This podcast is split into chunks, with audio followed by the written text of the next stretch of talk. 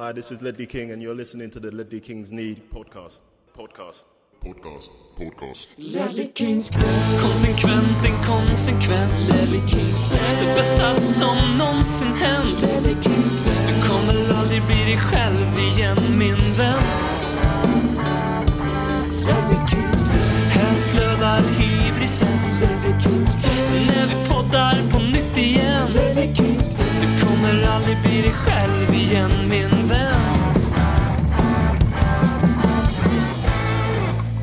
1151 personer, så många var ni som lyssnade på förra veckans avsnitt. Det får ju mig att tänka på hur det skulle vara om ni alla stod framför mig nu och lyssnade. Eh, vad nervös jag skulle vara, vad skulle jag göra av mina händer eh, och sådana saker. Kanske skulle jag använda det där gamla tipset jag fått en gång att man ska föreställa sig alla man ser nakna. Eh, och det där lilla stora havet av vita Eh, ölmagar och chipstuttar. Sådär. Eh, det här är podcasten som tänker på dig naken, Lelle Kings knä. Eller som Martin Åslund kanske hade sagt, White Trash-podden. Robin heter jag och eh, med mig ifrån Karlstad, mannen som delar lite kontroversiellt kanske initialer med Bournemouth och ehm, är en riktig litterär gigant, det vet jag för att han är typ min enda vän i appen Goodreads. Och då har vi ju faktiskt en liten koppling här vi, på Bournemouth och författare för att Robert Louis Stevenson skrev ju Dr. Jekyll och Mr. Hyde i, Bournemouth. Eh, Mary Shelley som skrev Frankenstein, hon är begravd i Bournemouth. Och eh, Tolkien som mötte möttes i Domedagsberg, han eh, dog i Bournemouth. Så BM, vilken Lord of the Rings-figur är mest Spurs? Oj, det var snack om att land... Här var det ingen mjukstart. Ja, det, Mm, det är inte. Frodo.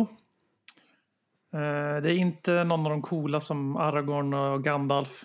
Eh, Jag skulle vilja säga Gimli, men det är lite för humoristiskt för att vara Spurs. Det måste vara, någon, det måste vara Boromir, tror jag. Finns det någon som eh, inte har ett namn, alltså inte en titel? Någon som inte har ett namn. Fanns det inte någon, eh, ja men fanns det inte nameless eh, någonting i eh, någon, eller? Är det bara, nej? Den, du menar karaktären Nameless Orch, 77? Ja, precis. Den, den tänker jag på. Eh, som inte har en titel. Eh, den får vi säga. Men du mår bra annars? Jag mår bara bra. Jag hade hundförare i trädgården förut när jag satt på gräsklipparen. Så en vanlig lugn dag här i gräddhyllan i Karlstad. Sitter där på sin åkgräsklippare och eh, klipper gräset på det stora mansionet här. Eh, ganska nära mig ändå. Eh, lite söderut bara. Men eh, vi har ju också med oss längs eh, Europaväg 45 här också trummisen.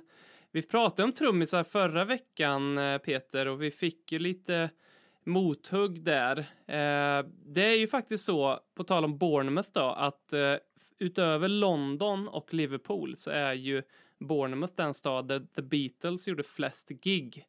Eh, Så vad tycker du om Ringo Starr egentligen, Peter Hector? Ja, det är ju en klassiker. Det är ju en, en, en legend i branschen såklart. Mm. Men är, är, vad- vad är han, ligger han på plus eller minus för dig?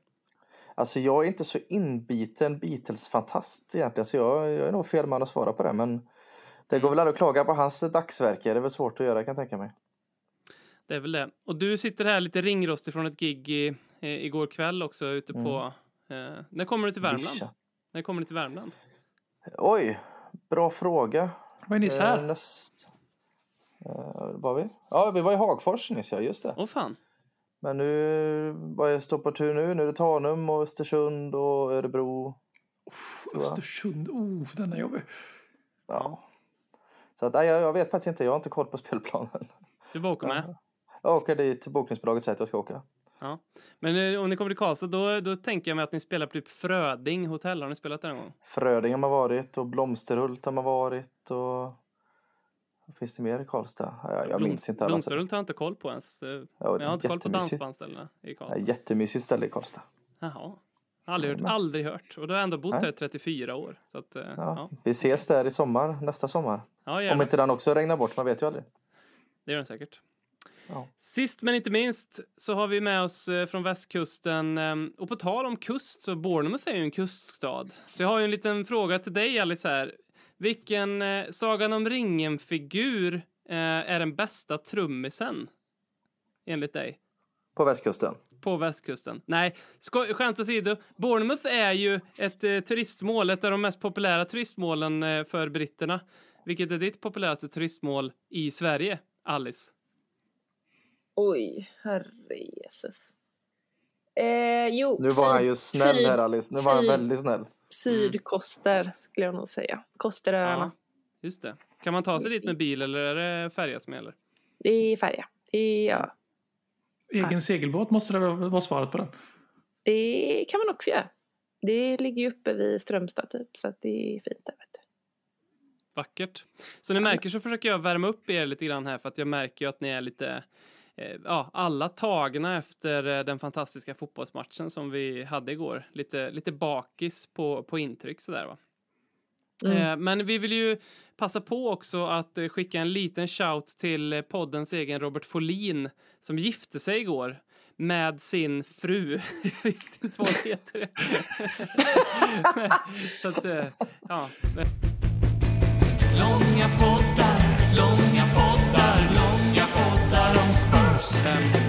Bournemouth-matchen. Eh, för när eh, startelvan där kom ut så fick jag lite PTSD. Jag vet inte hur det var för er, men Eh, det var ju samma elva som eh, i matchen mot Manchester United. Och om det var någonting som drav, drev mig fullkomligt till, till vettet med Conte så var det ju det att det alltid mer eller mindre var precis samma startelva vecka in och, och vecka ut. Så när jag såg det så fick jag någon form av sådär eh, Conte-PTSD. Men det gick ju vägen till slut ändå. Um, jag tänkte fråga BM, är du förvånad över att vi har tagit till oss Angeball så snabbt? Eh, inte lika förvånad som jag är över hur plötsligt mitt sug att resa till Bournemouth kom över med den här inspelningen. Jag vet inte vad det beror på. Eh, Dunderstad som har väderomställningar som om det vore en Sagan om ringen-bok. Eftersom att vi fick se alla mänsklighetens väder i den här matchen. Och vi tycker det blir på något sätt en metafor för vad man trodde att Tottenham skulle vara under Ernst i början. När de ska ställa om från terroristfotboll i fyra år till det som eh, Postecoglou vill stå för. Men så har det inte varit, utan vi ser ju faktiskt ut som ett lag som spelar ungefär som man vill. Inte till fullo hoppas jag, för då, annars kan man inte växla upp. Mm. Eh, Men jag är framförallt fruktansvärt imponerad över att de här odugliga spelarna som är värdelösa, inte kan ta taktiska direktiv och inte förstår taktik och inte kan göra någonting, inte två på foten ens. Att de klarar av den här fotbollen. Alltså det, är, det, är- det är ett mirakel. Han är ju som Jesus själv, den här australiensaren. Mm. Verkligen. Tycker också att han gör en ganska bra matchcoachning eh, om man tänker på byten och sådana saker. Jag fick bra effekt med dem och de kom i rätt tillfälle. Och då, det, det, det blir ju kanske alltid så när man sitter och tänker att nu borde det här bytet ske och sen sker det. Då, då tycker man att han gör rätt. Eh, men, eh, eh ja, jag vet inte. Ehm, eh, hur viktig, Peter, skulle du säga att eh, James Madison är för vårt spel just nu? Otroligt viktigt. Eh, ihop med Bissoma. Jag la faktiskt en tweet om det igår. Man är så sugen på att se Bissoma och Madison ihop med en Bentancourt tillbaka. För då, då kommer vi ha en centrallinje som är ruskigt bra. Man är fortfarande orolig för fronttrean. För eh, man får säga vad man vill, men de tre där fram igår var inte vassa. Nu gjorde Dejan mål. Det var, var kul att se. Richarlison fruktansvärd svag. Son fortfarande en skugga lite av sig själv. Eh, Så Madison är ju, han är ju våran offensiv skulle jag säga just nu. Han är otroligt vital i, i allt han gör tillsammans med inte minst Bissoma. Mm. Och eh, en fantastisk hörnincident ändå. jag skrattade lite. Jag missade han igår men såg han på Twitter där nu. Det var, det var, lite roligt faktiskt. Ja, men det är ju så, det är sånt som han, han, han gör det så bra, för han får ju mycket skit där. De, de sjunger ju Southgates right, you're fucking shite. Eh, åt honom när han springer ner till eh, hörnan och så då, då driver han tillbaka på det sättet han gör. Det visar ju på något sätt lite hur, eh, hur lite det påverkar honom och plus att han sen får göra mål. Eh, det, det, eh, ja. eh, bra. Och sen gillar man ju att även när vi byter av honom att man får in en Lo Celso som, jag ska inte säga att de är påminner om varandra, men det är ändå en kreativ mittfältare och att vi fortsatt, fortsätter spela den fotbollen vi gör. Sen att Madison är snäppet upp mot Lo Celso såklart, men att det är så tydliga roller i Ernst boll, det, det, tycker jag är riktigt kul att se så här tidigt. För det säger ju spelarna efteråt också att det ser bra ut och det alltid känns fantastiskt bra, men vi har väldigt många nivåer till att och, och ta det. Och det, det tycker jag känns eh, väldigt nervkittlande om jag, om jag ska vara ärlig. Mm. Återigen en känga på Dejan och sån här, Alice. Vad, vad tänker du om, om det utspelet från, från Peter?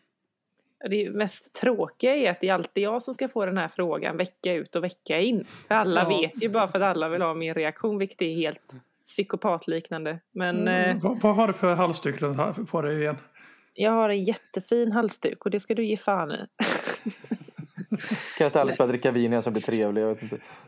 Ja, då, då eh, kanske jag blir. Kanske jag blir. Nej, men, nej, men jag tycker att... Eh, vad tycker jag som inte jag har sagt innan?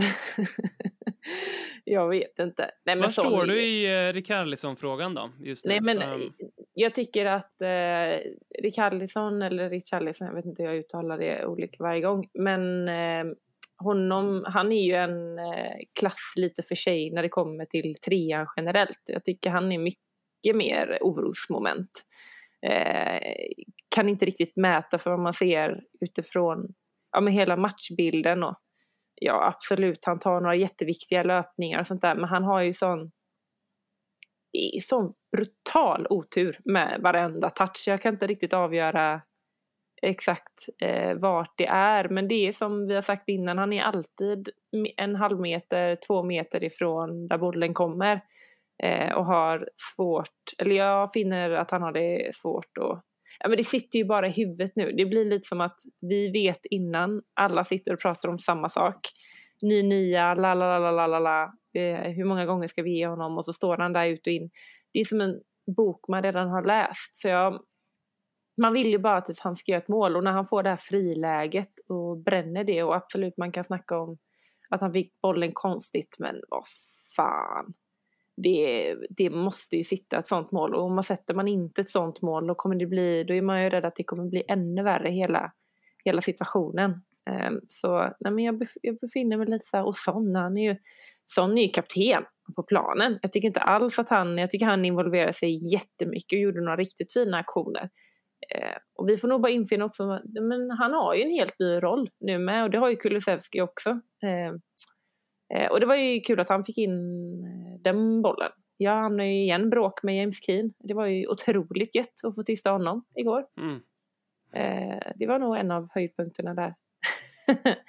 Annars, eh, nej jag vet inte vad ni tycker, men så tänker kanske jag. Mm. Ehm, han, han börjar ju hänga med huvudet för tidigt, Rickarlison. Det är Mm. det som är hans problem just nu. Alltså man ser det ju. Jag tror, man, jag tror jag har tänkt på det typ 20 minuter in i matchen eller någonting. Mm. Eh, innan han, han ens hade haft någon, eh, någon, någon sån här möjlighet. Och, um, Men sen är det sånt oflyt för den. Jag vet vad regelboken säger att det inte är straff. Men i min bok där han, han är helt sopren, ska runda målvakten.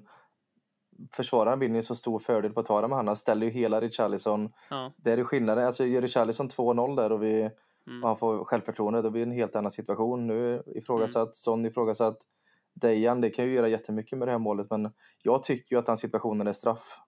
Likt den straffen United får som jag också tycker är straff. Eh, Två olika handsituationer. Men, ja, jag Mm. förstår regelboken också. Men jag tycker det är straff. BM, um, hur viktig har eh, egentligen eh, Fabio Paratici varit för det här laget som vi ser nu?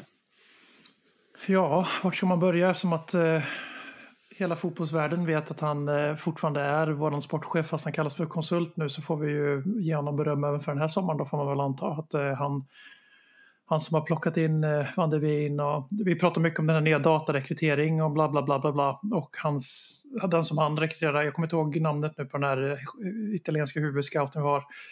Jag vill säga Gabbiadini men jag tror att det är en före detta spelare så jag, jag väljer att Mm. ducka där. Men eh, Ven, Ventrone? Nej, det var han. Nej, det, var, nej, men det är, det är en italiensk gubbe som... eh, är Säg något eh, rödvin bara.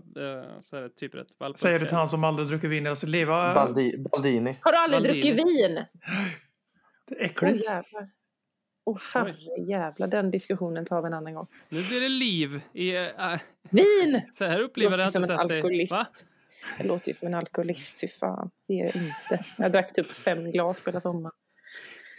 Eh, ja, Ja. På, tal om, på tal om fem glas. Eh, nej, men det är ju lite så att det är ju... I snitt det är, per dag. Per. Men det är svårt att inte se hans fingertryck här. Det är ju bara att kolla på hela centrallinjen som Peter var inne på, är ju, om vi nu räknar in att eh, han hade ett finger med i spelet även för Van de Veen och Madison i sommar. Ja, Daniel Levy värvar ju inte Vicario så kan vi säga. Nej, och Nej. förmodligen inte mycket Madeleine heller. Och då, då blir det lite den här grejen att Madison är fan den enda som han eventuellt har värvat. Mm. Det var ju också rätt bra då i sådana fall. Men, eh, Och Richarlison, men det gick ju sådär. Ja. Och eh, hans fingertryck överallt. Eh, Den spelaren som gör störst skillnad mot vad mina förväntningar var just nu det är ju överlägset Sarr. Som man visste om man spelar fotboll manager att han är ett wonderkid. Det finns ett litet mönster där på våra senaste värvningar. De är väldigt duktiga också. på det här spelet. Eh, Men eh, han var ju liksom aldrig varit en, han har ju aldrig varit någonting i Spurs. han bara kom till Spurs. Som en i mängden av unga lovande spelare. Giovanna dos Santos, eh, han i Sunderland nu som vi sålde Clark och så vidare, så vidare, så vidare. Och så helt plötsligt nu när han får spela regelbundet med Ernst så ser det faktiskt ut som att han skulle kunna ge Bentancourt en match om ett, tre månader när han är tillbaks. Eh, Det trodde jag ju inte på förhand inför säsongen om man säger så. Så att eh, det är väldigt mycket Fabio Paraticis förtjänst det här. Eh, Sen är ju den största Eh, anledningen till att det ser ut som det gör det är ju givetvis Postecoglou. Eh, och vi, jag tycker vi kan knyta ihop det här med hur, stor, hur viktig han har varit med. Vi tittar på Richarlison-diskussionen som uppenbarligen är på hans näthinna. För att han reagerar inte som en spelare som pissar in mål på försäsongen. Han spelar en Premier League-match och sen direkt nere i is, under isen igen. Det säger någonting om hur mycket det påverkar honom att han har gjort ett godkänt mål för Tottenham i Premier League. Eh, för att han ska ju självklart inte ens kunna vara ifrågasatt efter tre matcher. Vi tagit sju poäng och alla vet att han inte är Harry Kane. Han ska ju, det här är ju egentligen vara en guldsits för honom att få chansen att vara en nia i Tottenham. Alla ska egentligen vara på det klara med det. Och Visst, han får mycket kritik för det finns en del supportrar som aldrig är nöjda och inte kan hålla negativitet borta oavsett vad som händer. Men det borde inte påverka honom. Det gör det ganska tydligt och vi ser det efter matchen när Madison lägger ut typ tre Instagram-inlägg med honom och Richarlison och bygger upp honom hela tiden. Eh, så att liksom det blir den här metaforen för att det är, Ernst är den stora anledningen till att det ser ut som det gör. Och samtidigt så har det redan lett till att vi är, vi är för duktiga redan, vi är för bra redan nu. Så nu vill folk ha in den här nian som vi visste och alla var överens om att vi kommer inte kunna ersätta Harry Kane. Det var en vecka sedan vi var där liksom. Eh, men nu ser vi så här, fan, får vi in en nia då, vem fan vet hur högt det här kan flyga? Vi kan ju vara, vi kan ju vara Arsenal den här säsongen, vi kan ju bli, slåss om titeln, bla bla bla, du vet den här hybrisen man ska ha i början. Eh, Och eh, det blir en ond spiral för Richarlison på grund av att Postecoglou har fått fart på det här så bra redan. Mm. När tror ni att vi blir eh, nedtagna på jorden igen då? När vi värvar Brennan Johnson för 50 miljoner pund. Vi kommer till det sen. Jo, jag vet, jag kunde inte, jag var tvungen. Men har vi inte, har ni också sneglat lite på spelschemat och tänkt, ja det kan bli ett, kan, det kan bli lite soligt ett par veckor fram tills vi möter Arsenal, för nu har vi eh, Burnley, Sheffield United och sen Fulham, Fulham på, tisdag. Eh, fött av Burnley, Sheffield United. Det känns som att det kan Fast hålla i för mig- högt. Person, personligen så tycker jag man är i ett helt annat mindset nu. Alltså ett kryss mot Bournemouth för något år sedan hade jag grävt ner mig. Nu hade man varit lite så här, men vi är på väg någonstans. Vi, vi är verkligen inte klara. Ett Conte vill man ha resultat direkt, Mourinho vill man ha resultat direkt. Pochettino har byggt länge, man vill ha resultat. Nu är man liksom, vi är på väg. Brentford i, premiären, vi ska vinna den alla dagar i veckan. Jag är nöjd med ett kryss. Att vi slår United, det var ju fantastiskt. Man hade tagit ett kryss där också. Det känns som man är, man är någonstans på väg så att Mm. vi kommer ju åka på plumpar. Alltså, det, den fotbollen vi spelar nu mot, mot topplagen, alltså vi kommer få så mycket däng så att det visslar om det. Men mycket hellre det än att ta de här Conte Gneta-segrarna som inte vi är förtjänta av.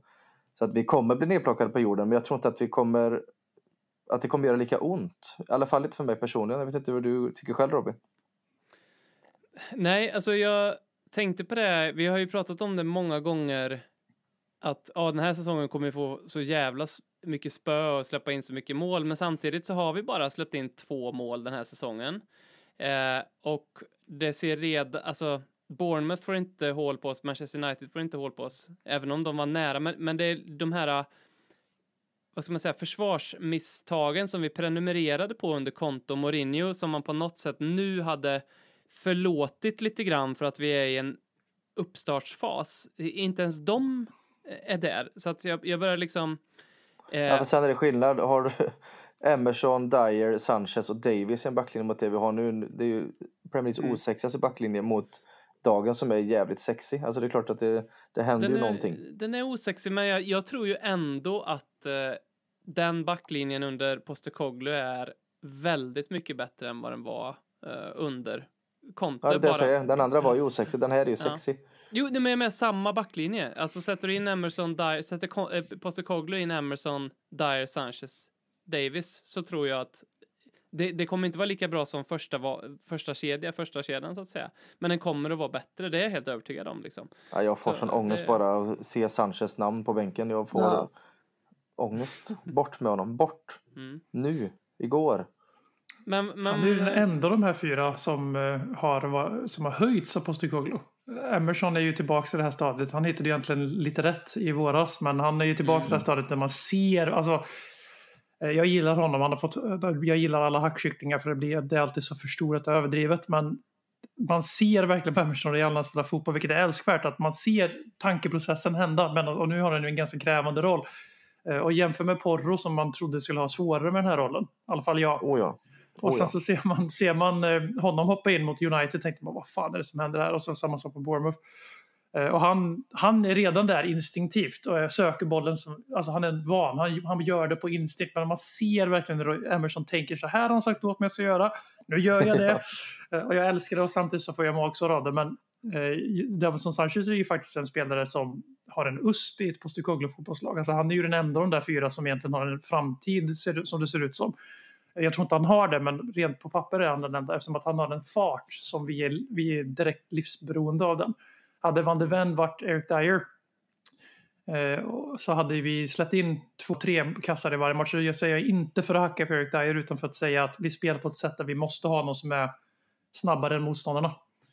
Om det är som när vet du, Pochettino skulle ha Michael Dawson, det gick ju inte. Nej men precis, lite så. Exakt och eh, samma. Van de Ven är ju liksom livsviktig för oss för att han, han springer i alltså han är ju, det är ju liksom, nu blir jag tappad ta-förmågan för det är helt sjukt men alltså det snackas för lite om hur fruktansvärt snabb den här jävla mittbacken är. Men egentligen om man tänker efter, alla fyra av våra backlinjer är ju rappa nu. Mm. Och Dodge är kvick, Porro är kvick, Romero är kvick och van de Ven är otroligt kvick. Så- såg ni när, när hade vi en snabb backlinje senast? Det är länge sedan. Såg ni klippet när han fick gissa om han var snabbare än olika djur, eh, Van de Ven? Fruktansvärt. Den sjuka Ja. jäveln prickar sju av åtta liksom. Man bara, vad, fan men är, vad vad, vad det har han för bokstavskombination tänkte jag. men det är så Men, när man eh, är snabb, då börjar man jämföra med sig. Hur snabb är jag? Jag fick Det definitivt intrycket. Han har googlat liksom, djur som springer snabbare och sen sin egen maxhastighet i den där, när han gjorde den där räddningen på mållinjen för något år sedan. Men det är så mycket, om du tänker på det vridmomentet när han kliver förbi sin anfallsspelare som pressar honom. Det är så mycket förtången i honom när han har bollen. Alltså det, Mm. det är som att se, ta bort tröjan, ta bort ansiktet. Jag hade sagt förtången alla dagar i veckan. Sen snabbare. med, med speed. Alltså det, Ja, ja, det, kan det bli bättre? Nej. Alice, har Romero van de Ven potential att bli större om du jämför dem med eh, Aldeweireld Vertongen? Alice får alla svåra frågor idag i alla fall, det märks. Ja, det är alla kompisfrågor. Mm. Ehm, men gud, det går ju inte att avgöra riktigt. Det, han har spelat två matcher, typ eh, tre. Men eh, potential finns ju till att det kan bli någonting. Jag tror att Alltså jag tycker det är, man, man kan jämföra dem med, med, med belgarduon men samtidigt tycker jag att de är mycket mer, jag vet inte, mer moderna kan man säga så för att folk ska förstå. Eh, och det gör att eh, det blir svårt att klassa in dem i exakt i samma fack men ja, får vi någonting, får vi uppleva det igen ganska nära inpå då får vi skatta oss som lyckligt lottade i hela högen tänker jag. De är ju Toby och Janne fast med eh, 40 eh, Kanske inte Van de Ven, men, men, men man drar av lite IQ på, på Toby och, och Janne typ. Det känns som Och de- hårvax, mindre hårvax. Ja, det med. Eh, de, de känns som de galna versionerna. Alltså det kommer ju vara några röda kort på Romero i år i och med den här incidenten när han... Men det kommer han- inte Några- vara några några- röda kort på van de Ven.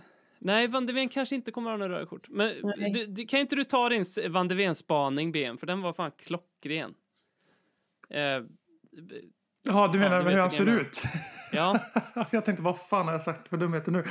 Eh, Men det, det hade jag inte gjort en mycket klok spaning. Det är ju att eh, Han är ju rätt ny bekantskap för mig och eh, när de zoomar in honom under matcherna så sker en så ofrivillig process i min hjärna att den försöker placera i vilken grå, mörk, dystopisk andra världskrigsfilm har den här personen varit med i? För jag har sett den här onämnde nazisten i 32 andra världskrigsfilmer. Mm. För att han ser verkligen, alltså det är inge, ingenting ont om honom, det är, inte hans, det är inte hans fel att han är född sån, men alltså tänk på det framöver när ni ser andra världskrigsrullar eller, eller serier. Ja. Det är mycket Van de Ven. Varenda så här generic, lite plågade... Han är en tysk general menar du liksom? Ja, sen, nej, lite mer att han är så här omtänksam. Han, är den här, han sitter bredvid de tyska ubernazisterna. De sitter och är nazistiska och rasistiska och äckliga. Då sitter han bredvid och ser lite plågad ut för han vill egentligen inte kriga. Den rollen spelar Mickey van der Ven i alla filmer som någonsin har gjort om andra världskriget. Jag vet inte vad det säger om hans IQ men han är riktigt Eller fin på plan. Alltså Robins leende hela tiden när du berättar detta. Är... Ja, jag, jag tycker att det är en klock... Det är Jävlar vilken, jag eh, hört. vilken blick. Ja. Jag Ja, lovar men- att många lyssnare kommer känna igen sig i det här nu. De som också gillar Ja. historia. De kommer bara, det är fan Fan sant, vad jag man har sett sitta, ska sitta och plöja Band of Brothers ikväll och bara hitta Men han ser ju ut... Ni vet, poj, ni vet pojken i Waldo. Rand och pyjamas. Har Ja, ni sett den? Precis. Ja. precis. Han ser ut som Mm. den killen som hjälper honom Exakt. som Exakt. barn. Där köper jag... Ja, men, ja, jo, han är ju den snälla nazisten. Han är ju den som inte är nazist. Han är bara med Men han är ju den snälla som, som också dör. Alltså fy fan vad det här avsnittet kommer heta nazisten van der Ven. Det är ju redan klart. Men eh, Då skulle hörni, klubben tyck, kunna stämma oss för förtal tror jag. tycker ni att vi firar våra vinster för mycket? Slår vi på för Nej. stor trumma när vi säger att Tottenham är tillbaka? Nej. Nej, det Alltså- är skitsnack. Fy fan vad gött det är. Alltså, det, här är, det här är en Eller? sociala medier-grej bara. Vi, vi har varit skyldiga för själva när vi har hånat Arsenal för de har firat kryss på stopptid mot Bournemouth eller vad fan det var för något år sedan. Crystal Palace. Mm. Palace, eh, att du kunde det utan till säger det mesta. Men liksom, det här är ju grejen att det är klart, att, alltså, det är bara vi Tottenham-supportrar som har tagit företräde här. Vi kan säga att Tottenham är tillbaka för att vi, vi menar inte att vi har tagit sju poäng på tre av nio möjliga. Jag menar, vi hade Nunes Espirito Santo, han vann tre raka matcher varav en var mot Manchester City utan Harry Kane. Ja, Alltså, vi, har varit, vi, vi, vi vet att poäng kan ramla in även om man är dålig. United har tagit sex poäng och de har varit pissusla hela säsongen. Så att liksom, det är inte det vi menar när vi säger att Tottenham är tillbaka. Det har att göra med att Tottenham spelar Exakt. fotboll så som klubben Tottenham alltid ska spela fotboll. Det är det liksom. Så det, nej, jag är inte så orolig för att fyra för mycket för att jag tycker det är kul att se på fotboll igen för första gången sedan ja, första juni 2019. Mm. Exakt så. Jag lever mitt bästa liv. Alltså mina, mina de här två helgerna. United-matchen kollade jag om tre gånger och den här matchen den var sjuk för när jag tog vagnen hem igår från matchen då var via play eh, typ från minut 70 hem. Klara, jag såg jag hela. Men sen när jag kom hem så sätter via play på matchen igen. Liksom, på, på rulle. Live-tv. Såg man den igen. Sett den tre gånger på... Då har du nog sett den timmar. fler gånger än vad Ten Hag har. För han... Eh, Fan vad gött det är. det, det, han kollar ju sina matcher igen har man ju fått lära sig. För han är ju så otroligt eh, noggrann med allt han gör. Stenhård. och- och- ja. Eh, vi avslutar det här segmentet med att ni eh, eh, får bedöma. Peter får i uppdrag att ta ut elvan mot Fulham i Carabao Cup och så får BM eh, och Alice bedöma hur eh, ifall, ifall ni tycker att den är bra vad ni hade gjort för förändring. Eh, ingen press, men säger Oh. du inte en spelare kommer du få 0 av 10 oavsett vad du säger på de andra 10 positionerna. Ja. Man har 11 Alltså- personer i ett fotbollslag på, på plan. Jag menar en måste han pricka in. En måste han pricka in. De andra 10 sa jag. Alltså jag Okej. tänkte faktiskt på det här. Jag visste inte att jag skulle få frågan, men jag tänkte på det idag hur man ska ställa sig. För att vi har inte ett Europaspel. Samtidigt har vi en jävligt stor trupp som man vill rotera samtidigt som man inte vill rotera bort för mycket heller. För Fulham borta är ingen lätt match. Men eh, jag hade ställt Vicario i mål. Jag hade nog faktiskt startat Emerson. Eh, Jag hade nog spelat kvar både Romero och Van de Ven för de spela ihop sig. Sen hade jag nog spelat Ben Davis till vänster. Eh, mittfält, Höjbjerg, Skip, Lo Celso. Kanske. Och Det var den, det var spelat- den Lo Celso som BM ville att du skulle säga. Ja. Mm. Sen hade jag nog spelat... Alltså man vill ju se Solomon, men man vet ju att det kommer bli Perisic. Och så tror jag det blir Dejan och så Richarlison, en ny chans. Så tror jag. Jag hade kastat in Solomon istället för Dejan. Inte för jag tror det kommer hända, annars är det exakt samma elva jag har. Och samma resonemang. Det, låt dem spela ihop sig, de orkar. Alltså, vi, de behöver, den här taktiken är krävande. Eh, det är vissa spelare som vi tror på i truppen. Lo Celso och Solomon verkar vara, och Perisic verkar vara bland dem. Eh, Och sen är det rätt många vi inte riktigt vet hur vi gör. Jag tror vi är öppna till försäljning på allt så länge vi får ett tillräckligt bra bud. Och då är det onödigt att ge till exempel Sanchez och Dyer den här matchen. Det är onödigt eftersom vi förmodligen är öppna för att sälja båda. Liksom. Och inte har ett Europaspel. eh, Det är ändå en bra titelchans skulle jag säga. Så jag in med Solomon bara för att, bara för att, för att han förtjänar att få spela. Annars är, håller jag med Peter till helt håll, ett punkt Jag vill ha han före Perisic, men jag tror att det kommer bli Perisic före Solomon. Eller jag vet. Du, har jag drömt att du ville prata om Eric Dyer, BM? Nej, du har inte drömt det. Nej. Då får du göra det nu, varsågod. Men Det var liksom en inbjudan då, så att tänkte, jag tänkte, jag tänkte att, Allison, att Allison höll på att kalla henne nu. Du tänkte att jag skulle komma med några mer grejer som och jag skulle fråga ifall jag drömt. Men, men det, det var bara det. Nej, men jag ville bara ta upp det här att eh, eh, vi tog upp lite delar av det med Richarlison förut. Är liksom att vi behöver inte alltid ha en syndabock i Tottenham. Där. Jag förstår inte riktigt varför vi letar efter den just nu. Eh, jag köper helt och hållet att vi är rätt trötta på vissa spelare efter de senaste åren. För det är ta mig fan alla vettiga Tottenham-supportrar. Men just Erik Dyer är så ovärdigt för att vi har ju gått igenom den här processen med honom förut. Att han inte var vattenvärd och han var inte värd eh, tröjan och allt vad fan det har varit. Liksom. Och sen spelar han tillbaka sig till en nivå. Eh, en av få spelare som blir bättre under kontra blir så bra så han får en VM-biljett. Laget krackelerar fullständigt. Erik Dyer faller med flaggan. Han faller med laget liksom.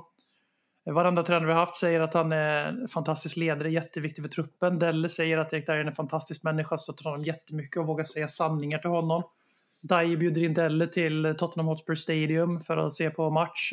Han sitter råpetad.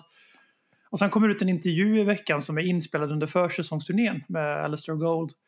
Där han säger i den här intervjun som jag hoppas att alla Tottenham-spelare säger. Jag satsar på att spela så mycket som möjligt. Jag tror jag har mycket kvar att ge. Jag har min bästa fotboll framför mig. Eh, och då blir det liksom ett skämt och folk gör narr och säger get out, ut ur klubben, bla bla bla och näthatar deluxe på Erik Dyer för att han har mage och tro på sig själv. Eh, och jag tycker det är ovärdigt. Alltså vi, vi måste som supportrar generellt, alltså, en spelare är inte alltid gud som Ucholle i Blåvitt just nu eller eh, pissvärd som Marcus Berg för två veckor sedan i samma klubb. Alltså, man kan, inte bara, man kan inte kräva lojalitet av spelare hela tiden och sen så fort man själv är färdig med dem så kastar man dem som en använd kondom och så vill man aldrig se den igen. Alltså, lo lojalitet går åt båda hållen och han har all rätt i världen att spela ut sitt kontrakt om han så väljer att göra. Eh, Han förtjänar lite respekt på sitt namn helt enkelt. Men jag vill ändå inte se han spela mot Fulham. Det är ju snack om att han ska gå till Fulham nu. Ja, just det. Han, just det, han och Regulon, just det. Lojalitet går åt båda hållen, det gör inte kondomer. Det var det som var din... eh, Det var min tes, yes. Ja, yes. ja, men det är bra. Jag, jag tänkte på den i, på samma, med samma anda så tänkte jag bara på, jag är inte den största Daniel Levy-fantasten. Jag tycker att han kan få fortsätta styra Tottenham eh, om han håller sig borta från det sportsliga. Men jag tycker det är intressant. Det finns ju några som är väldigt anti-Levy eh, som har liksom hur kunde han anställa Conte och Mourinho? Hur kunde han inte backa honom? Och nu när Ernst kommer in, då är det Ernst som eh, transformerar Tottenham. Men det är ju Daniel Levy som har anställt eh, Ernst. Man, man väljer lite konstigt där i hur man liksom, ja, då, då har man ju fastnat i narrativet lite grann tycker jag. Jag tycker man måste verkligen credda Daniel Levy för att vi har anställt Ernst Postecoglou nu. För det var ett riktigt bra val, modigt också, eh, måste jag säga. Men jag har också, när jag tänker på den här frågan så tänker jag också lite grann på att om det skulle vara så, nu tror jag inte att det händer, men om Ernst Postecoglou får kicken i december, då för mig vet jag om vi är inne på rätt spår beroende på vem han ersätter honom med. För kommer det typ en ny Rafa Benitez eller någon Ancelotti eller någon stor gubbe, alltså sådär, då vet man att okej, det, det var, han, han bara drog ett namn ur en hatt och det var den det blev. Men om det kommer efter Postecoglou liksom en Arne Slott eller någon annan sån här eh, från kontinenten som jag inte kan, men som jag får googla på, som är ung och har spelat anfallsfotboll, ja men då fattar, okej, då, då är det här en intention och då, då är jag liksom, då ger jag den credden till Daniel Levy så sätt.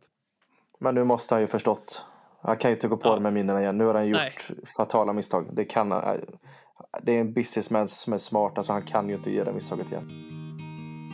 Jag har väntat hela veckan Det har känts som en evighet Ledley Kings knäs podcast är det bästa som jag vet Nu lutar jag mig tillbaka och knäcker en liten Prips. Podden i min trumhinna får livet att försvinna. Tack vare LKK så är jag inte så grov En annan sak som hände i veckan var att eh, Manchester United gick ut med eh, ett eh, hyfsat luddigt statement gällande Mason Greenwood. Och eh, sagan eh, vill jag inte kalla det alls, eh, men eh, det fick sitt slut, eh, även om det återstår en del frågetecken. Vad som hände med honom eller inte får vi se framöver här. Jag tycker att det bästa man kan göra faktiskt är att lyssna på det sista tyvärr avsnittet av min favoritfotbollspodd Kick and Rush. De gick igenom eh, Greenwood-sagan in och ut och Manchester Uniteds agerande på ett väldigt, väldigt föredömligt och bra sätt tycker jag. Eh, så jag tänkte inte lägga mig i det, men däremot så vill jag lägga till en sak, för att se ifall ni håller med om det som jag tycker saknas i debatten lite. För det vi har nu är ju ett prejudicerande fall.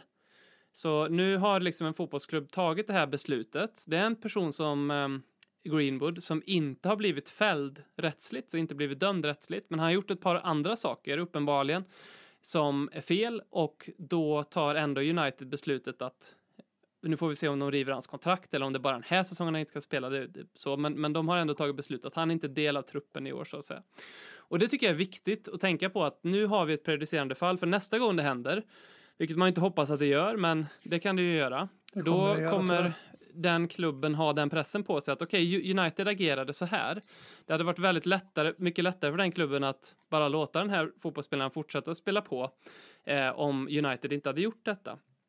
Så det är en grej som jag tycker är bra att vi har det prejudicerande fallet. Det andra grejen som jag tycker är farlig för det som hände när de tog beslutet, det var att de bara fick ännu mer skit. Eh, det, man behöver inte hylla dem, för de har gjort en massa snedsteg och fel här, men vi måste ändå berömma eller uppmärksamma att de gör rätt sak. För annars tror jag att fotbollsklubbar som hamnar i den här situationen framöver, de kommer tänka så här, ja, fast låter vi honom gå här nu eller klipper vi kontrakt kommer vi ändå få massa skit. Vad vi än gör så kommer vi bara få en, en jädra massa skit, så vi kan lika gärna behålla honom och, och låta han spela liksom.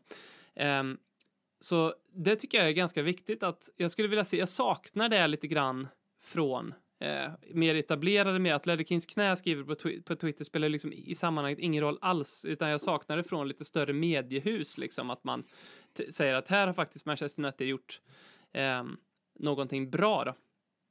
Håller ni med?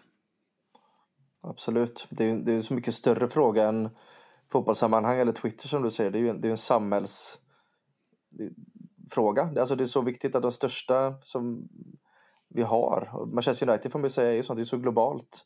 De Mm. måste ju gå ut och agera på det sättet. De, det fula var att i första läget så slängde jag ut kroken för att få lite feeling vad vilket håll kommer det här gå åt? Och när de fick så jävla mycket skit så märkte man, ah, okej, ja, vi har inget annat val. Man skulle vilja att de var mycket tydligare från start, att bara, det här är under inga som helst tveksamheter. Vi har sett filmerna, vi har hört klippen, allting. Vi står inte bakom detta. Mason Greenwood är inte välkommen tillbaka i Manchester United, för vi agerar enligt de här stadgarna, vi har den här policyn, så här jobbar vi. Så att visst att de är bra, men de hade kunnat göra det så jävla mycket bättre från start.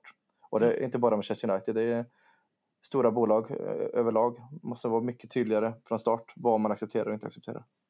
Verkligen. Och det är ju som du säger, jag tror att de där grejerna kommer finnas på dagordningen på ett annat, annat sätt nu när de har gjort så här. För då ställer sig alla de här vdarna och klubbarna frågan, okej om, vi, om det här händer oss, hur agerar vi då? Mm. Hittills har det där varit väldigt, oh, hur ska vi göra? Eh, alltså det går ju inte att ta upp det här i, i våran podd utan att nämna Yves Bissouma. För när han kom, så jag tyckte det kändes svinfel. Eh, att, Mm. att vi värvade en spelare som var under utredning. Ehm, och det gjorde ju vi en podd om, eller BM och Per, en jättebra podd om, som för övrigt heter Galway Lad, heter den podden, eh, från förra sommaren, när ni reagerar på nyheten om att eh, Yves Bissouma är klar för Tottenham. Och ni reagerar också på nyheten om att eh, Harry Kane värmer upp eh, till fotbollsmatchen med att lyssna på Ed Sheeran, där, därav namnet. Och ni tyckte det var Ja, väldigt tack. lamt, det var väldigt roligt. Det var dit Eh, mitt huvud men- försvann. Men ehm, det gjorde ni väldigt bra och, och, och sen så eh, blev ju den utredningen, eller han blev friskriven från utredningen innan han spelade en match för Tottenham.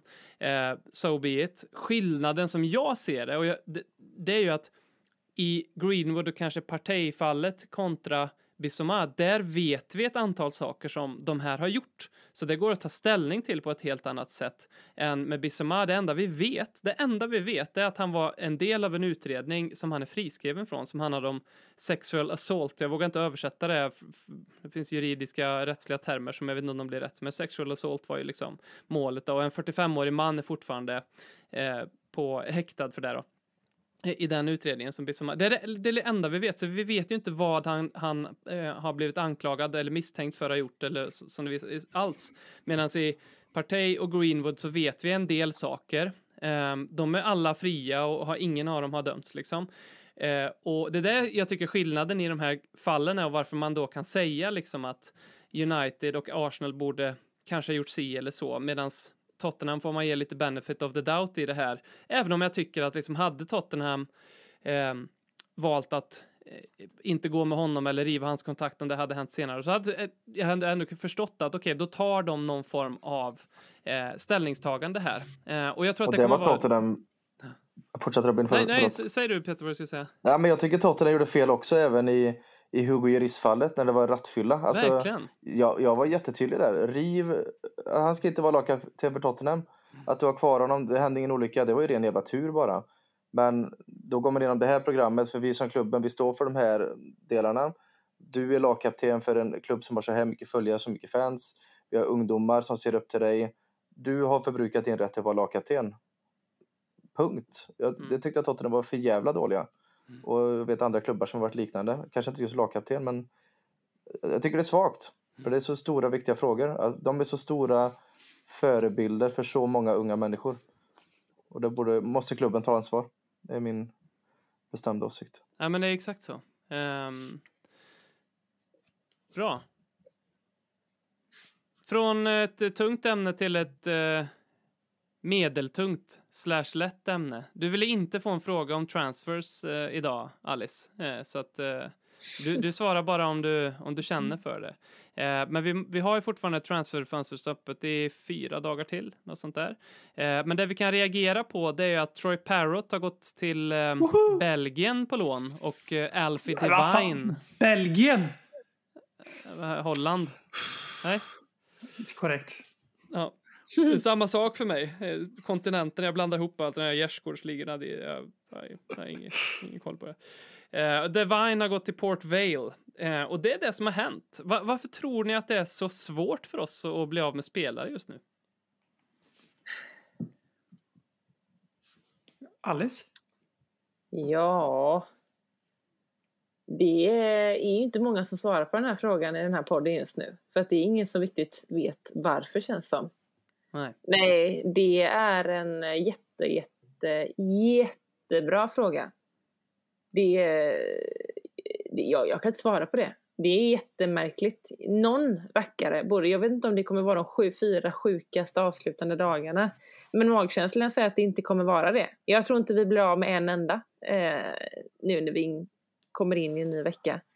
Eh, Känslan är väl att vi sitter på Premier League-löner på alldeles för icke heta spelare. Alltså Dyer, Sanchez, Ndombele. Det är bara gått till sig själv. Hade det varit en mittenklubb i Premier League hade du tagit i de spelarna i tång. Jag kan tycka mer spelare som Regulon borde vara jävligt lätt att bli av med. Och Jed Spence borde inte bli så svårt. Men det är klart, de sitter väl också och sonderar terrängen och, och letar sina alternativ. De vill ha så bra betalt som möjligt, spela så bra klubbar som möjligt. Och de vet ju längre de väntar, ju mer desperata blir klubbar så att det öppnar sig dörrar för dem också. Regulon är ett bra exempel för att där eh, var ju Sociedad intresserade och sen helt plötsligt har de värvat Kieran Tierney från Arsenal och då vet man ju att... blev precis Ja. officiellt nu faktiskt. Ja, och Men det, då vet det man att de... Ja, nej.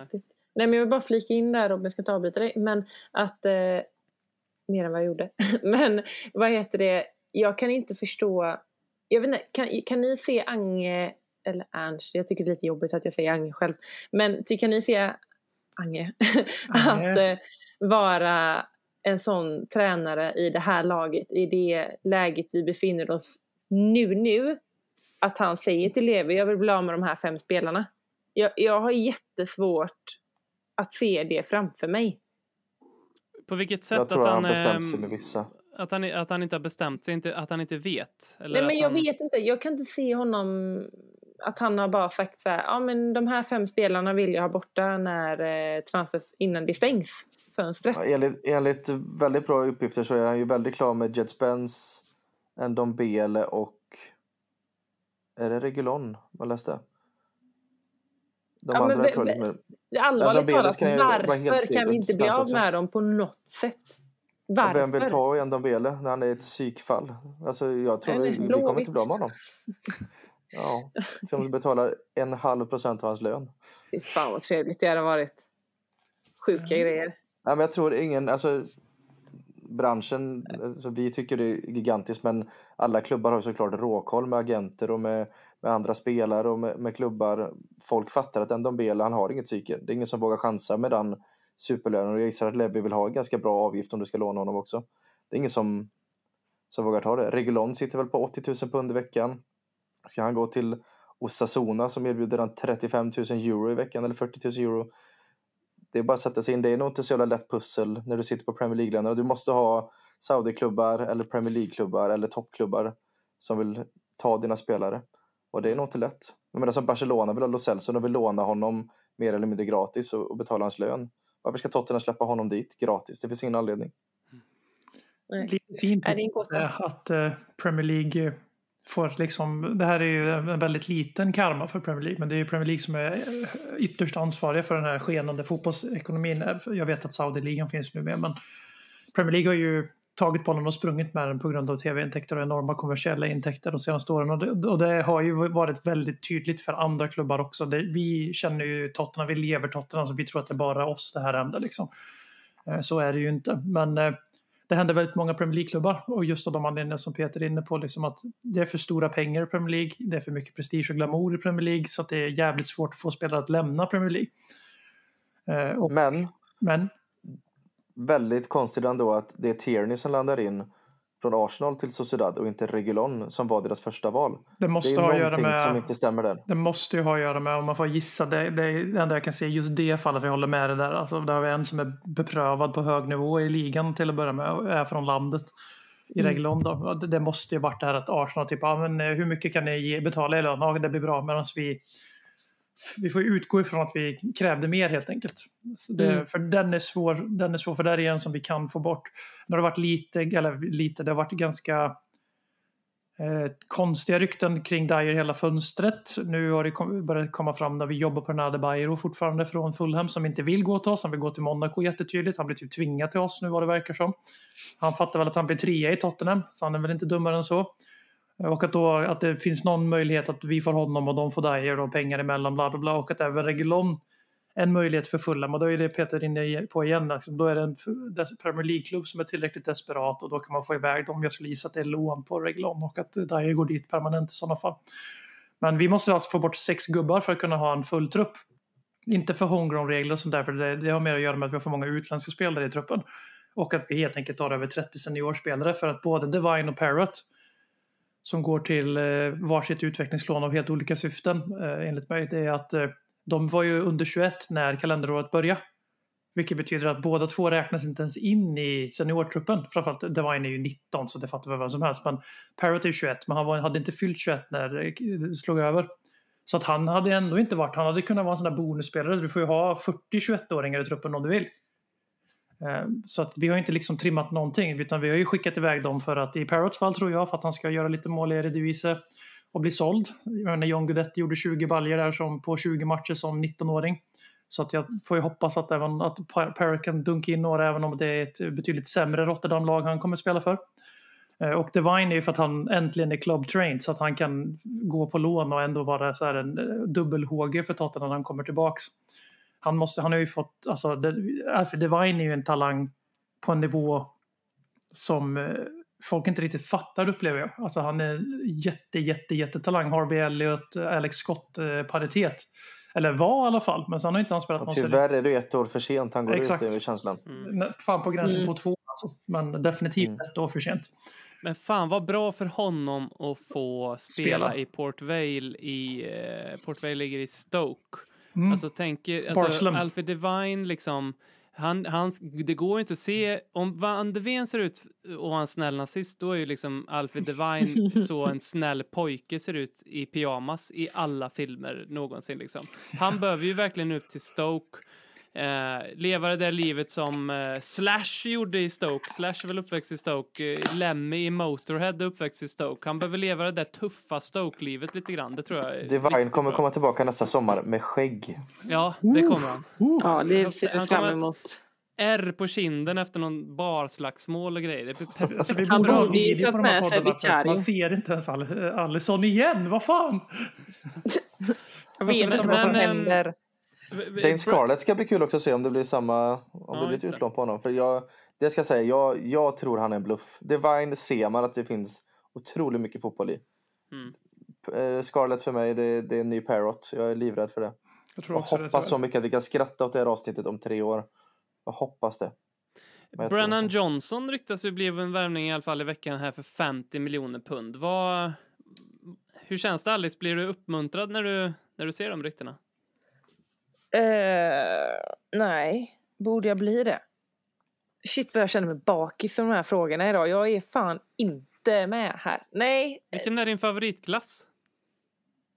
det vet jag inte.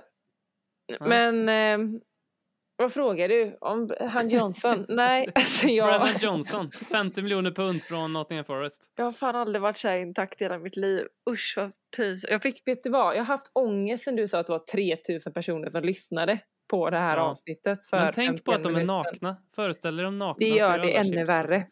Ja, Men, eh, men nej, men det, jag, jag har ingen relation till honom. Eh, men fem, det blir väl det som blir svaret. Att 50 miljoner, 40 eller 50 miljoner pund för någon jag inte har fått någon typ av uppfattning om känns ju direkt jättefel. Och eh, Hector skakar på huvudet och B, BM du... Han har ju ändå imponerande 0 plus Och 0 nu de här tre inledande matcherna. Så att är Ja men då så, men då rättfärdigar ju Han hade summan haft en det. ass mot United om inte Avoniji hade stått i vägen för Morgan Gibbs Whites eh, skott. Men det säger inte så mycket. Men eh, alltså, nu hoppar jag in här. Men med Brandon Johnson, det går att säga på två sätt. Eh, För två år sedan spelade han League One, gjorde skitbra siffror för, för sin ålder. Han är 22 nu. För, nej, tre år sedan. Två år sedan så var han i Championship, gjorde jättebra siffror för sin roll och sin ålder. Alltså, vi snackar Sessen John i Fulhams genombrott liksom. Kommer upp i Premier League, spelar ett riktigt dassgäng som på något mirakulöst sätt hänger kvar med sin främlingslegion med 700 nyförvärv under säsong. Han gör 8 plus 3 i en ytterforwardsroll. Det är, det är godkänt. Alltså det, på papper så borde vi vara mer exalterade än vi är. För den är 22 år i homegrown. Han är walesare så att han inte är engelsman men det beskiter ju kanske vi Han är född i Nottingham va? Ja, men han spelar för Wales. Jag, Okej. jag tror han är son till någon Nottingham-legendar.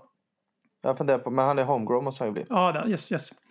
Eh, och han, eh, på det alltså, vi borde vara mer exalterade än vad vi är. För det här är ju en 22-åring med Premier League-erfarenhet, bra track record i League One och Championship. Han har växt med nivåerna. Gjorde det godkänt i Forest förra året. Det går inte att säga någonting annat. Det, det som är grejen här för mig är att vi håller på att pumpa ut 600 mille för en medioker spelare. Som, jag vet inte om det är min så här, misstro till att klubben kan för, förädla det. För kolla på Sessignon, hur, hur bra det gått för honom sedan han kom till Tottenham. Kolla på Jed Ja, framförallt så är det väl att det är en ytterforward. Jag personligen vill ha in en nia. Jag vill ha in en, en riktig jävla striker. Jag vet att Robin har varit inne på Ivan Tony. Alltså en riktig nia. Tänk en... Nu har jag varit så mycket skadad, men en, en prime Calvert Lewin. Alltså det är sån... Ett jävla skithus med dem. Jag vill ha en striker som är mål. Jag tror att det Jag här vill är inte en ha en EM. ytterforward. Jag tror att, det Ja, det jag tror att han är en det- det- det- Att han ska det det spela i. Kyogo-rollen i Celtic och... Eh, alltså, Och det gör mig rädd. det gör mig skiträdd också, men vi får ju säga, man har, vi har gjort en jättebra sommar, varit väldigt bakom våran rekryterings, den nya sättet vi rekryterar på. Så Mm. man hoppas ju att de sitter på siffror vi inte har tillgång till för den eh, allmänna data man kan utläsa som inte bara är mål och assist. Då. Eh, både FBRF och data MB, liksom där han är högst medioker i FBRF, ser inte alls ut att vara något speciellt. Det här är alltså en statistiktjänst som till exempel Lo Celso ser ut som en gud, för att han är väldigt duktig på saker som inte syns. Eh, och sen har vi Vad tragiskt. Ja. Den, här, den defensiva mittfältaren i division 2 som är så jävla bra men man måste vara på plats för att se det. Det är Lo Celso. Nej, men och sen är, kollar man data-MP så ser han ju också väldigt begränsad ut. Så jag vet inte, vi får hoppas att det sitter någon datakille som har tillgång till premiummaterial som man betalar för, vilket fotbollsklubbar gör, tack vare Moneyball-klubbarna. Som visar att han är en jävla gud i Ernsts system. Att han kommer bli precis som Kyoga. Han kommer nästan aldrig ha bollen. Man kommer löpa isär och så när, när han väl får lägena så smäller det. Men det är ju inte riktigt mitt intryck jag har fått av de fem, sex matcher jag faktiskt har sett honom. Att han är liksom klinisk. För det är det enda Richarlison saknar. Han behöver inte vara med i spelet. Det har vi andra spelare för att ha. Men han är för oklinisk. tänk, tänk en prime Dele Alli under Ernst fy i den här fan, alltså, pressrollen. herregud, alltså. Oh, ho, ho. Kan vi inte ta hem honom för HG-kvoten nästan? Han kommer inte få spela i Everton för de är så pa- Nej, men var inte den nu som vill ha hem Dele Alli 2023 i den här säsongen. Den diskussionen trodde jag ändå att vi hade lagt. Nej, jag tar Men jag ska honom. ge dig en förklaring, dag. Jag ska ge dig en förklaring varför du kallar mig för Allison. Alice och Son. Alisson. Ah. Ah, där har vi det. Freud. Verkligen. Freud är fan Snyggt. igång idag. Då får man säga Jävlar. att Robin har gjort jobbet bra här. då, Som att jag börjar kalla dig för Alice Ja. sån. Pla planterat det. Ja, Eh, tack. Tack, tackar. Tack, tackar. Vi eh, avslutar väl med lite skratta åt topp 6. Let's laugh at the top six. They are really shit.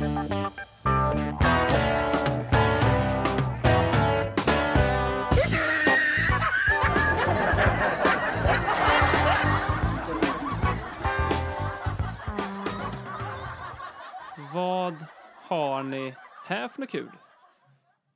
Jag kan börja. Var, Ja. Varenda gång jag ska håna Liverpool, jag har liksom förberett allting i mina tankar. Så Mm. går skithögen och vinner med 2-1 mot Newcastle med en man med rött kort. Mm. Hur är det möjligt? Alla mina, det här är ju återigen ett segment som är, blir, jag gräver ju min grop och min grav djupare för varje vecka som går. Mm. Så att mitt hån om Van Dijk ehm, går ju inte. Så det var det här jag vill, kan jag skratta åt mig själv? Är det Ja, okej? gör det. Du får Ja. det idag. Vi är ju Big Six Ni så det får är helt okej. jättegärna. Mm. Åh, fy fan vad löjligt. Då, Oh, kan- då kan jag fortsätta. Då fortsätter jag. Jag ska faktiskt skratta åt Tottenham idag. Mm. Vi har varit inne och touchat på det. Eh, jag skrattar faktiskt åt Spurs för att vi sitter idag söndag. Torsdag stänger transferfönstret. Och följande spelare tillhör fortfarande Tottenham Hotspur. Hugo Lloris, Eric Dyer, Davison Sanchez, Jed Spence, Japet Tanganga om ni minns honom. Ja, just. Sergio Regulon och Tanguy Ndombele. Och Sessignon om vi ska ärva och Branschil. Ja, ja, jag tänkte ta med dem men de är långtidsskadade så att de... eh, De kommer inte anmäla sig Mm. i truppen. De kommer, vi får se Nej. efter januari. Så jag skrattar faktiskt lite åt Tottenham. Vi har varit inne och touchat det, men fan alltså. Måste få bort dem. Och ersätta dem, många utav dem. Fan vad jag lider med för Tanganga. Alltså det här är ju Danny Rose fast mycket mer tragiskt. För Danny Rose hade den där Milan-kommentaren eller inte. Var det Milan eller inte? Skitsamma. Min, min Milan var. Mm. Som blev ökänd i dokumentären. Han hade tydligt gått ner sig och sa bara, anything from Milan. Och så blev det hån på tal om så här trotjänare som man kastar ut med, barn, med, kiss, med kiss och bajset i Fast är kattlådan. man inte jävligt trött på Danny Rose? Han flög fan på riktigt typ en, en och en halv säsong. Ja, jo, jo absolut. har, absolut. har inte han alldeles för bra rykte i Spurs? Jag, jag tog aldrig till mig honom. Han Det, var, var, bra. det är ju för vem man var. Eh, Alltså, han en överskattad för vad han gjorde på plan, och, eh, absolut. målet mot Arsenal eh, och sen att vi var överlag bra under Pochettino och att vi, han bara bombade eh, på ena sidan och Walker på den andra. Så att man Ja, minns det som längre. säsong. Ja, man Ja. minns det som längre än vad det var. Jag blir förbannad. Förlåt. BM, eh, du skrattar åt? Ja, Jag hade ju velat skratta, alltså jag vill inte skratta åt Manchester United, eh, men jag ville ge det en, en chans till att säga att det var väldigt klokt perspektiv och förmodligen ett oväntat perspektiv på Manchester United. För de hade ju en hel del ammunition för skratt åt topp 6 fast på ett jävligt mörkt och dystert sätt om vi hade velat ta på den i den riktningen. Men jag tyckte ni hanterade, framförallt du hanterade den diskussionen otroligt bra och hittade någonting positivt i det. Eh, när det hade varit väldigt lätt för den här pissverksamheten, amatörradioverksamheten och allt vad vi kallas för att göra enkla poäng där så valde, vi, valde du en helt annan väg där och belyste någonting bra. Så jag vill inte skratta åt Manchester United utan jag ville bara få, jag ville bara få en chans att säga någonting. Du skrattar åt mig. Jag skrattar alltid åt Robin, men med, med ni- kärlek. då kan jag avsluta med en finding jag gjorde i veckan. Jag skrev ju till er också när jag var på gymmet i fredags. Eh, jag, var ju, jag ville ju väldigt gärna att ni skulle veta att jag gymmade på en fredag, så det var en del av varför jag skrev. Vi jag var, förstod det. Notera. jag var på gymmet på, i fredags. Vi skrev det i vår interna chatt direkt efteråt. På, på, ja, ja. Fan vad duktig han Eh, är. Ja, exakt. Fan, tänk om man, tänk om man gick på gym då, på Bibbo. fredagar. Då såg jag två ehm, Manchester City-tröjor på gymmet. Två olika personer. eh, nu står det en katt och... Det lät, eh, det lät som en vibrator. Gud, jag blundade snabbt. Åh jävlar Han åt micken ju. Ja, det lät som en vibrator. Hörde ni det? Ja. Ja. Eller nej, jag har ingen Nej. aning. Nej. Ehm, då såg jag två. Manchester City-tröjor på gymmet. Två olika killar. Och så var jag tvungen att fråga den ena. Varför håller du på City? Ehm, han, han satt nära mig när jag körde bänkpress. Det, jag vill bara så att ni förstår liksom vart vi var på gymmet. Så, men det gjorde jag då. I fredags körde jag bänkpress. Vad Och duktig då- du är Robin. Ja, och då bredvid mig, den här killen i City-tröja, så frågade jag så här. Hur kommer det sig att du håller på City? Och då var svaret, ja men eh, de var så bra på Fifa. Han var typ 19-20 år. Och jag skrattade lite åt det då. eh, För att jag tyckte att det var väldigt löjligt. Eh, Men sen så insåg jag att 2023 varianten av jag såg dem på Tipsextra är de är bra på Fifa. Mm. För förr i tiden, alltså vi har ju väldigt många Liverpool, United, Arsenal-supportrar i Sverige. Och Mm. anledningen till att vi har det, det var ju för att de här lagen var bra i Tipsextra-eran. De här supportrarna hatar när man säger det. Ni håller på dem för att de är bra. Nej, det gör jag inte, för jag håller på dem för att jag såg dem på Tipsextra. Ja, för att Tipsextra sände de bästa lagen. Eller, nej, men det, det är inte alls sant. Jag, jag fick en Liverpool-tröja av min. Ja, för att Stadium sålde Liverpool-tröjor för det var ett bra lag. Så du håller Mm. på dem för att de är bra. Och det är exakt samma sak som börjar hända nu när eh, ungdomar går i City tröjor för att laget var bra på Fifa. Eh, det, det, den insikten sjönk ner i mig och nästa som jag också frågade er då, som jag skrev på Twitter också, när ser jag en person i en Saudi-tröja på gymmet? Och då fick jag direkt svar från ett par personer som redan hade sett det här i, ehm, i olika, det var, då var det ju ungdomar som spelade fotboll eh, och så. Och då, då insåg jag att då var jag en av de här legacy-fansen som eh, vi skrattade eh, åt eh, toppklubbarna att de kallade oss 2021 när de försökte dra igång superligan att ja, ja, men de här fa- legacy-fansen som vi har nu, de kommer ändå inte vara, vara med i matchen längre Då skrattade vi åt det. Men, men börjar sakta men säkert inse att eh, de kanske hade rätt. Så med de upplyftande orden, jag, jag hade tänkt skratta åt Johnny Evans-värvningen för övrigt till Manchester United. Jag tycker det är hysteriskt roligt att de stärker sitt försvar med Johnny Evans. Visst är det kul? Eh, Johnny Evans allihopa, Manchester United. Ja, kul, bra, bra det kommer bli. Eh, tack så jättemycket för att eh, ni har eh, lyssnat på Lelle Kings knä och all fin respons vi får. Eh, alla ni 3100, vad sa jag, 51 nakna människor där ute. Vi ses och hörs snart igen om en vecka. Hej då! Det är vibratorn igen. Du har lyssnat på ännu ett avsnitt av Ledley Kings knä. Stöd oss gärna genom att gilla och dela avsnittsinlägget. Vi hörs! Gjuten i skogen i Värmeland Där kommer vår podd ifrån Konsekvent, inkonsekvent Det bästa som någonsin har hänt. Ah, Du kommer aldrig bli dig själv igen. När du lyssnar på Radioteatern Nej, du kommer aldrig bli dig själv igen. Inga andra poddar förutom Lelle Kings knähav vid din sida.